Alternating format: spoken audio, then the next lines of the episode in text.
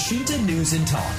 Mas Didi ini berarti eh, aksinya akan digelar bersamaan bareng sama uh, BEM SI yang akan digelar eh, eh, esok hari ya tanggal 11 begitu. Ataukah sendiri nanti Mas Didi?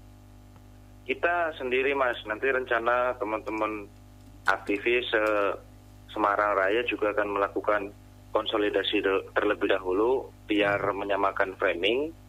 Terus kemudian kalau fokus yang dibawa sama teman-teman DEM itu sendiri ataupun Dewan Energi Mahasiswa Semarang Ya. adalah berkaitan dengan isu energi gitu mas. Hmm, khusus itu ya. Ta- tapi rencana akan di tanggal berapa untuk aksinya? Rencana dalam waktu dekat untuk tanggal nanti kita ses- sesuai kesepakatan forum aja mas. Mm-mm. Berarti belum belum ada uh, tanggal pastinya yang akan untuk melaksanakan aksi ya Mas Didi ya. Belum ada mas. Oh, baik. Kemudian rencananya akan diikuti oleh siapa saja nanti Mas Didi dan berapa banyak orang yang nanti akan mengikuti Mas Didi? Rencana kita eh, akan melibatkan semua elemen aktivis mahasiswa dan masyarakat di area kota Semarang Raya, Hmm. gitu mas. Rencana perkiraan akan ada berapa banyak orang yang mengikuti Mas Didi? Nah, kalau rencana berapa banyak, kita belum bisa mengestimasikan karena Hmm. kita juga akan konsolidasi terlebih dahulu sehingga nanti kita akan mengetahui jumlah estimasi dari masing-masing organ yang tergabung itu berapa, Mm-mm. terus kemudian di total baru kita bisa mengetahui jumlah estimasi total masa Hmm, yang akan baik. turun di aksi Kota Semarang. Ya. Nah, sementara ini kan kita belum belum melakukan konsolidasi besar, jadi Ya. kita belum bisa mengestimasikan berapa apa ya berapa total estimasi yang akan turun di Ya. aksi ini di aksi Kota Semarang. Ya. Amatan dari mahasiswa terkait dengan kondisi energi saat ini bagaimana kalau menurut Mas Didi? Ya, baik Mas. Memang sekarang energi ini menjadi salah satu isu yang sangat favorit, isu yang sangat seksi. Karena energi juga menyangkut hajat hidup orang banyak. Betul, Terus karena juga- di Peru juga sempat kisruh karena harga BBM itu, Mas Didi. Ya, betul. Karena memang ya mau nggak mau dunia energi juga dipengaruhi juga dengan kondisi geopolitik yang ada gitu kan. Ya. Dan karena geopolitik sekarang di dunia juga sedang ada perang di Rusia Ukraina dan Ukraina. Ya. ya Rusia dan Ukraina, maka itu juga menjadi salah satu faktor yang menjadikan minyak mentah dunia itu naik.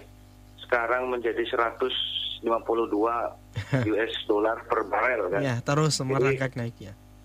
Ah, jadi semakin naik, semakin Ya. naik, dan sehingga menyebabkan salah satunya pertamak dulu yang dinaikkan gitu. Ya. Nah sementara jelas pertamak itu apa ya pemakainya ataupun yang menggunakan pertamak itu banyak dan akan beralih karena saya juga udah baca-baca juga kan udah riset-riset juga sama teman-teman. Itu beralih itu turun grade lah downgrade itu. Dari yang biasanya memakai pertamax akhirnya geser menggunakan pertalite gitu kan. Ya. pertalite. Nah, logikanya nanti ketika pertalite banyak yang menggunakan, maka akan langka gitu kan, akan langka dan bisa ini juga. Bukankah juga. sekarang sudah merasakan kelangkaan itu Mas Didi? Karena Ya. beberapa laporan di SPBU SPBU banyak juga yang kosong itu pertalitnya. Di luar Betul, kota Semarang saya- tapi Mas Didi. Ya, di kota Semarang pun sama mas, di beberapa SBBU, Hmm. ketika saya keluar malam ya, itu malah udah habis gitu kan. Itu nggak tahu beneran habis atau memang apa ya di di stok supaya Ada pengurangan stok begitu atau gimana? ya betul. ha. Hmm. Karena memang ya Pak Luhut juga udah statement kan di ini di di, di salah satu media. Ya, Pak Betul. Luhut kemudian dibenarkan Pak Muldoko dan juga Pak Erlangga seperti itu, Mas Didi. Mm-mm. Intinya kalau Pak Luhut udah statement kan, wah dunia Indonesia ini bakal ini kurang lebih valid itu yang dia omongkan karena Pak Luhut udah ngomong kan harga pertalite menurutnya akan naikkan juga secara bertahap karena pertalite itu kan menjadi ah, salah satu jenis bahan bakar minyak khusus ya ataupun JBKP Ya, yang artinya itu juga disubsidi sama negara Ya. Dan lama kelamaan juga pasti akan naik. Ya, selain Apalagi pertalite, sekarang, solar juga mulai langka loh Mas Didi. Ya betul, solar juga mulai langka. Padahal solar itu yang menjadi apa ya, menjadi bahan bakar utama oleh yang digunakan oleh para sopir-sopir, ya, driver-driver yang ya. membawa bahan pokok ataupun bahan yang lain kan. Iya. Sehingga pasti akan dirasakan dampaknya secara menyeluruh oleh seluruh rakyat itu. Hmm. Gitu. Ya. Tapi eh, jika nanti memang akan uh, kalau dari sisi wacana ya wacananya akan memang akan dinaikkan, tetapi kemudian dari masyarakat yang tidak mampu akan diberikan uh, eh, BLT semacam BLT minyak goreng seperti itu. Kalau Mas Didi bagaimana? Sepakat tidak Mas Didi? Ya menurut saya itu tidak menjawab kebutuhan masyarakat secara umum ya Mas ya, hmm. karena kebutuhan masyarakat secara umum kan tidak berjangka kan, maksudnya tidak dalam waktu satu bulan sekali, tiga bulan sekali ya, gitu kan. Betul. Tapi kan tiap hari gitu kan, tiap hari dan mungkin every time juga, karena kan kita nggak ngerti juga kebutuhan dari masing-masing ya. uh, personal ataupun individu kan beda-beda. Apalagi ya jasa ekspedisi ataupun jasa-jasa pengiriman-pengiriman lain itu pasti juga akan mengalami kenaikan. Ya kalau menurut saya itu tidak menjawab tidak menjawab hmm. dari kebutuhan rakyat secara umum terkait solusi tersebut, Mas. Hmm. Baik, berarti kalau win-win solutionnya bagaimana? Kalau menurut Mas Didi berarti apakah memang pemerintah harus mempertahankan tetap untuk harga pertalite uh, dengan harga sekarang, ataukah memang ada kenaikan walaupun sedikit, Mas Didi? Karena harga minyak mentah saat ini memang melambung tinggi, Mas Didi. Hmm, betul. Ya, kalau menurut saya jadi tidak tidak harus apa ya, tidak harus menaikkan di era sekarang, Mas. Yeah. Karena era sekarang ini adalah era krisis kan. Yeah. Satu era pandemi COVID-19 yang jelas kita itu sedang mencoba tumbuh kan, sedang yeah. mencoba bangkit dari keterpurukan ekonomi. Yeah. UMKM UMKM ataupun perusahaan-perusahaan kan banyak yang bangkrut itu kan banyak yang mengurangi jumlah karyawan bahkan banyak yang gulung tikar ya pemerintah harusnya inilah sedikit sedikit bijak gitu. Kalau mau menaikkan pun ya lihat dulu perekonomian, perekonomian di Indonesia ini sudah stabil atau belum gitu kan. Kalau belum, ya saya rasa belum lah, jangan dinaikkan dulu itu. Karena kalau dinaikkan dulu, kalau dinaikkan malah nanti akan menyebabkan kegaduhan gitu. Kan sama itu Presiden Jokowi juga malah mempertanyakan juga kok harga pertamax naik terus tiba-tiba cepat banget gitu kan. Nggak ada komunikasi yang intens dengan masyarakat ataupun kelompok kelompok mahasiswa. Nah itu kan menjadi lucu juga ini atau atau settingan dari Pak Jokowi selaku presiden untuk ya biar kelihatan kerja atau gimana? Ya juga kan nggak tahu gitu. Itu hmm. jadi ya di era sekarang saya rasa belum cukup relevan lah kalau semisal menaikkan menaikkan harga BBM terutama solar pertama eh sorry pertalite ataupun gas 3 kilo yang yeah, yang disinyalir bakal naik juga gitu yeah. karena gas tabung 3 kilo itu menjadi apa ya menjadi primadona di kalangan usaha UMKM ataupun uh, rumah tangga rumah tangga yang um, notabene ekonominya kelas menengah ke bawah gitu. Hmm, tapi kalau Bahkan, menurut dari pernyataan Pertamina Jawa Tengah kemarin saya sempat wawancara kalau gas LPG ini sebenarnya banyak kebocoran, banyak uh, uh, pengusaha restoran begitu orang-orang yang sebenarnya cukup mampu tetapi juga menggunakan gas LPG 3 kg ini. Masih di solusinya gimana itu Mas Idi? Nah, itulah yang harus di apa ya, yang harus diawasi, yang harus di di pendistribusinya kan itu harus diawasi juga yeah. maksudnya ya memang kita tidak bisa membendung ya tidak bisa yeah. membendung uh, masyarakat perusahaan ataupun uh, apa ya ya kafe-kafe yang notabene itu udah menengah ke atas yeah. Iya. uh, untuk menggunakan yang non subsidi tapi ya seenggaknya ada dong peran dari pemerintah ataupun mm -hmm. Pertamina itu sendiri selaku uh, badan usaha yang memang bergerak di sektor energi memberikan edukasi dong edukasinya tidak hanya secara umum ataupun secara formalitas saja, tapi edukasinya dilakukan benar-benar secara masif agar perusahaan ataupun ya kafe-kafe itu juga sadar oh iya ternyata ada hak orang lain yang uh, apa namanya yang nggak harus kita ambil juga itu karena omset sekian sekian itu kan ya taruhlah yang perusahaan udah cukup oke okay, kok masih menggunakan yang subsidi kan malu juga itu harusnya yeah. kan yang tiga kilo itu digunakan untuk penjual-penjual asongan, eh, sorry penjual yang inilah ya kecil-kecil uh, gitu ya. keliling, yeah. mie ayam keliling, bakso yeah. keliling. Nah itu harusnya diperuntukkan untuk itu. Malulah mereka kalau misal uh, masih memakai yang subsidi 3 kilo itu. Tapi Jadi nampaknya ya, banyak yang nggak tahu malu itu, Mas Didi. Nah, masih pakai itu, itu dia. Itulah dia kita hidup di Indonesia yang notabene memang uh, apa ya, yang harga murah, terjangkau, terus kemudian bisa dipakai gitu kan. Apalagi apa ya, apalagi itu menjadi bisnis juga yang yang tiap hari menghasilkan profit. Yang jelas ada perbandingan harga yang lumayan kerasa itu. Makanya ya wajar aja sih karena pemikiran-pemikiran tersebut eh, apa ya Indonesia belum bisa menjadi negara yang maju karena ya masyarakatnya masih pengusahanya masih berpikir wah ada lumayan ini ada lumayan anggaran yang apa ya anggaran yang bisa dipotong dikurangi. Ah betul. Ya berarti peran pemerintah dalam hal ini adalah memberikan edukasi yang masif ya walaupun apa ya walaupun mungkin masih tetap ada yang nakal tapi kan bisa melibatkan semua elemen ya termasuk organisasi kemahasiswaan ataupun kelompok-kelompok UMKM ataupun pengusaha-pengusaha forum pengusaha ataupun yang lainnya lah itu kan coba bisa dimanfaatkan. Baik. Uh, kalau Mas Zidi melihat ya jika memang timingnya kalau kemarin Uh, saya mengutip dari pernyataan Pak Luhut ya, uh, kalau untuk uh, eh, LPG itu diperkirakan kalau tidak Juli ya September begitu, diperkirakan akan naik begitu. Kemudian kalau memang jika memang naik, bagaimana terkait dengan daya beli dari masyarakat saat ini?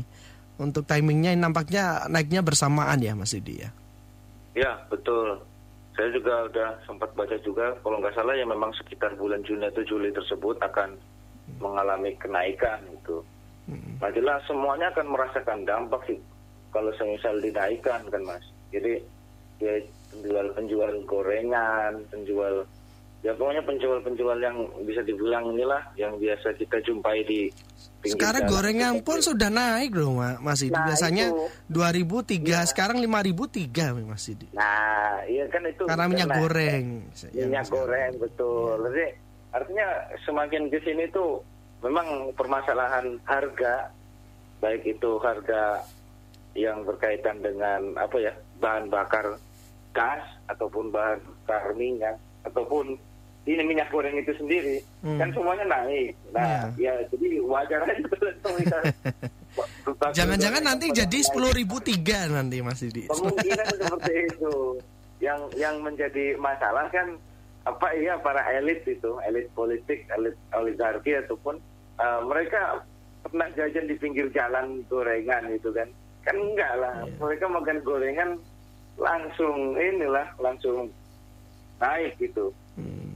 apa namanya kolesterol, kolesterol kan yeah. nah betul kolesterolnya langsung naik jadi ya mereka nggak pernah merasakan nikmatnya uh, jajan gorengan makan angkringan gitu kan yeah. mereka nggak pernah merasakan karena mereka ya makannya udah inilah udah mungkin organik-organik atau bahkan makanan-makanan yang western ataupun Chinese yang lain juga kan.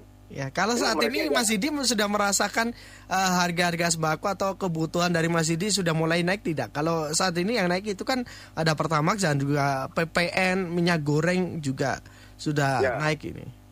Sudah, sudah merasakan. Sudah merasakan. Hmm. Saya baru baru sadar kan pas itu tanggal 1 April itu, 1 yeah. April satu April siang kan beli pertama gitu hmm. beli pertama masih ingat itu lima belas ribu beli pertama lima belas ribu loh kok dikit banget gitu kan Nah, belum tahu Terus, untuk pengumumannya berarti masih iya, ada. Iya, udah udah ngerti pengumumannya, cuman lupa kalau itu tanggal satu. Oh. Dan pas dilihat pas dilihat di plang, oh iya udah naik ya udah, iya. udah jadi udah dua belas ribu lima ratus, aja udah ini dikit banget ya. Makanya ya itu pas beli bensin ini kan terus kemudian beli gorengan sama juga ini kan Iya. kebetulan saya di area Gunung Pati masih Iya, iya. udah naik semua kan Hmm. mulai makan makan juga mulai naik gitu mulai naik 500 per menu per apa per lauk lah gitu tapi kan udah mulai kerasa juga itu Iya, padahal gaji gak naik-naik ya Mas Didi ya. ya itu yang jadi masalah Iya. coba itu Pak Luhut Pak Erik merasakan inilah ataupun pejabat-pejabat yang lainnya Iya. merasakan kerusakan masyarakat miskin masyarakat kurang mampu saya rasa mereka juga nggak akan inilah nggak akan nggak akan terlalu menaikkan harga-harga sembako ataupun harga BBM terlalu cepat ya Pak. Ya. Tapi untuk eh, penggunaan pertalite saat ini pun eh, sudah ada eh, kebijakan yang baru dari Pertamina bahwa untuk membeli pertalite tidak diperbolehkan menggunakan jerigen juga itu eh, Mas Didi. Padahal per- kalau di desa-desa itu bajak itu menggunakan eh, ini ya eh, pertalite juga masih di- digunakan untuk Ya, orang-orang ya, desa begitu. Padahal eh, tidak diperbolehkan membeli menggunakan jerigen Mas Mas Didi. Bagaimana mengenai penggunaan pertalite untuk orang-orang desa sebenarnya kan juga membutuhkan selain untuk motor juga Mas Didi. Ya paham, oke. Ya memang kalau kita berbicara Indonesia itu kan tidak hanya melulu di kota-kota besar ataupun metro ya. Iya. Tidak hanya di Jakarta, Semarang, Surabaya, Bandung, Banjarmasin ataupun ya kota-kota besar yang ada di Indonesia lah. Hmm. Tapi kan di Indonesia ini negara kepulauan yang notabene banyak pelosok negeri yang harus dijangkau kan. Nah, memang Iya. salah satu alternatif solusinya menggunakan jerigen itu, menggunakan apa? eh, botolan lah kalau di kampung itu kampung saya kan masih ada yang pas ini botolan kan Iya. botolan. Nah, ketika itu dicabut, nggak boleh, ya pasti akan apa ya, akan makin susah itu orang-orang itu yang yang ada di pelosok itu. Termasuk saya kan juga dari pelosok mas, Eh, Hmm. dari pelosok perbatasan Jawa Tengah, Jawa Barat kan. Jadi Iya. memahami lah, memahami betul dan sangat ya menyayangkan lah kalau semisal eh, benar-benar dicabut ya karena sebelumnya setahu saya itu harus membawa surat izin kan, harus Iya. membawa surat izin baru boleh mengisi eh, apa? Mengisi BBM ah, BBM lewat jerigen. Nah, Iya. karena setahu saya sebelumnya harus pakai surat izin. Iya. Nah ini kalau misal pakai surat izin pun Tidak sudah boleh. nggak boleh, Iya. Nah itu mau seperti apa nasib orang yang di gunung, yang di pelosok, yang apa ya aksesnya tuh susah itu. Ke pom aja udah harus berapa puluh kilometer kan. Nah, ini apa ya sangat miris itu. Ya seharusnya pemerintah inilah melek dengan lokasi geografis Indonesia itu. Karena tidak hanya di kota saja, tapi kita berbicara ke seluruh pelosok negeri gitu. Mm-mm. Gitu mas. Baik, tapi kalau Mas Didi melihat bagaimana jika memang pemerintah nanti tetap bersikukuh begitu menaikkan harga pertalite dan LPG, apakah nanti dari mahasiswa juga akan turun lebih lanjut Mas, Didi? Kalau memang tidak dipenuhi tuntutannya. Ya jelas kalau kalau itu memang tugas dari mahasiswa ya mas ya Hmm. tugas dari mahasiswa untuk benar-benar menjadi apa ya menjadi penyambung aspirasi dari masyarakat yang mohon maaf kurang berpendidikan ke penguasa ataupun Ya. ke pemerintah. Nah sudah jelas dalam dalam case ini dalam masalah ini ya kita akan mengawal akan memberikan nalar-nalar kritis kita, memberikan apa ya energi kita, semangat kita 100% untuk kesejahteraan rakyat ya. Hmm. Karena ya jelas lah kalau semisal ini ya apa roadmap-nya ketika ini kita contoh kecil aja dulu kan. Kalau semisal pertama dinaikkan ini memang Ya. sudah naik, Ya. nah otomatis downgrade itu. Karena tadi itu saya baca juga di beberapa Ya, banyak yang beberapa beralih ke sumber, pertalite. banyak Ya. yang beralih ke pertalite nah, sehingga Ya. nanti pertalite akan langka akan stoknya akan susah dan kemudian akan naik juga harganya kan setelah Hmm. naik juga ya otomatis diikuti dengan BBM yang lain dan kemudian akan menyebabkan harga kebutuhan pokok naik ya rakyat akan akan semakin tercekik kan akan semakin kesusahan gitu. Nah, Mhm. sehingga dari dari masalah inilah kita harusnya belajar gitu. Bahwasanya yang diurusin itu bukan hanya sekedar anggota dewan ataupun DPR DPR yang udah jelas mereka punya gaji tetap gitu kan. Ya. Tapi yang diurusi itu adalah orang-orang yang nggak punya gaji tetap yang bahkan untuk makan sehari aja mereka harus keliling-keliling-keliling gitu kan. Dan belum tentu hasilnya cukup untuk berapa anak berapa cucu gitu mungkin kan. Sehingga ya harusnya pemerintah lebih inilah lebih dewasa lebih bijak gitu. Harusnya apa ya ya inilah dilakukan survei yang surveinya itu enggak survei surveinan ya enggak survei cuma diambil sampel dari kota kota tuh. Saya sampelnya tuh loh, turun langsung ke pelosok pelosok gitu eh, tempat saya juga pelosok kan di gunung juga kan. Makanya ya miris aja ketika nanti tetap dinaikkan semuanya kan. Yo lihat aja. Bakal banyak saya rasa gerakan-gerakan yang apa ya yang terjadi itu. Hmm. entah dari mahasiswa ataupun masyarakat secara umum gitu. Ya. karena ya akan menyebabkan harga-harga yang lain pun ikut naik gitu masa apa minyak goreng dinaikkan aja udah kelabakan kan luar biasa gitu Iya. apalagi BBM wah apalagi gas juga kan wah makin makin menjadi-jadi nanti kekerusuhan yang ada kan Iya. Nah, tapi jika nanti ketika akan menggelar aksi unjuk rasa kemudian akan ditemui oleh DPR ataupun dari si eh, dari pemerintah begitu. Siap tidak Mas Zidi ini eh, semacam eh, berdebat terkait dengan kondisi bangsa saat ini begitu?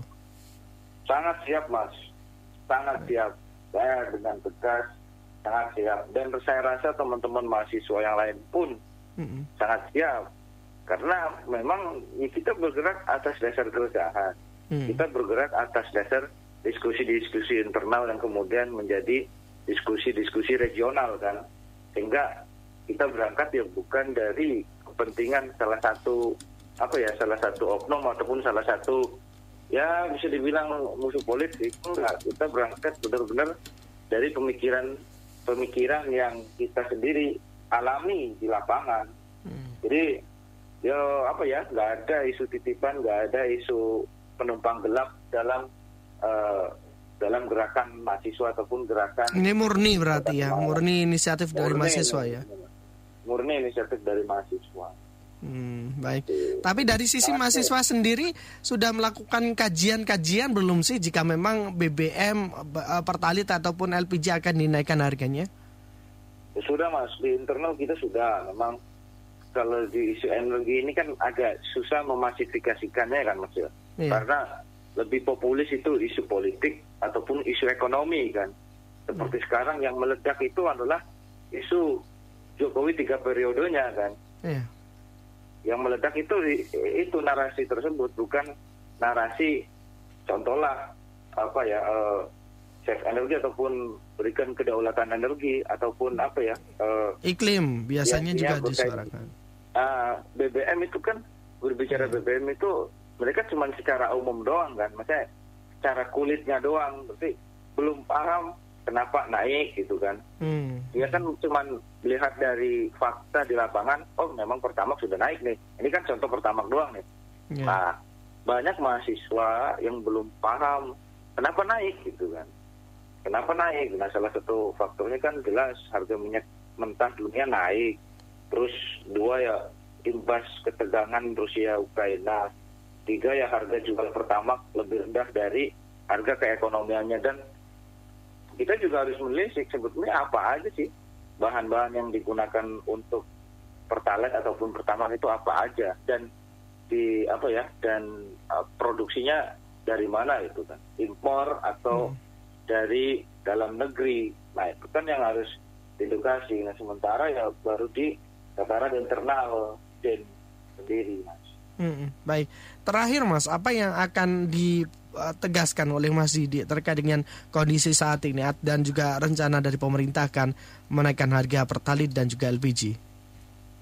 Ya, terakhir jelas dari teman-teman mahasiswa dan tegas dari masyarakat Indonesia ketika ada kezoliman, ya maka satu kata lawan.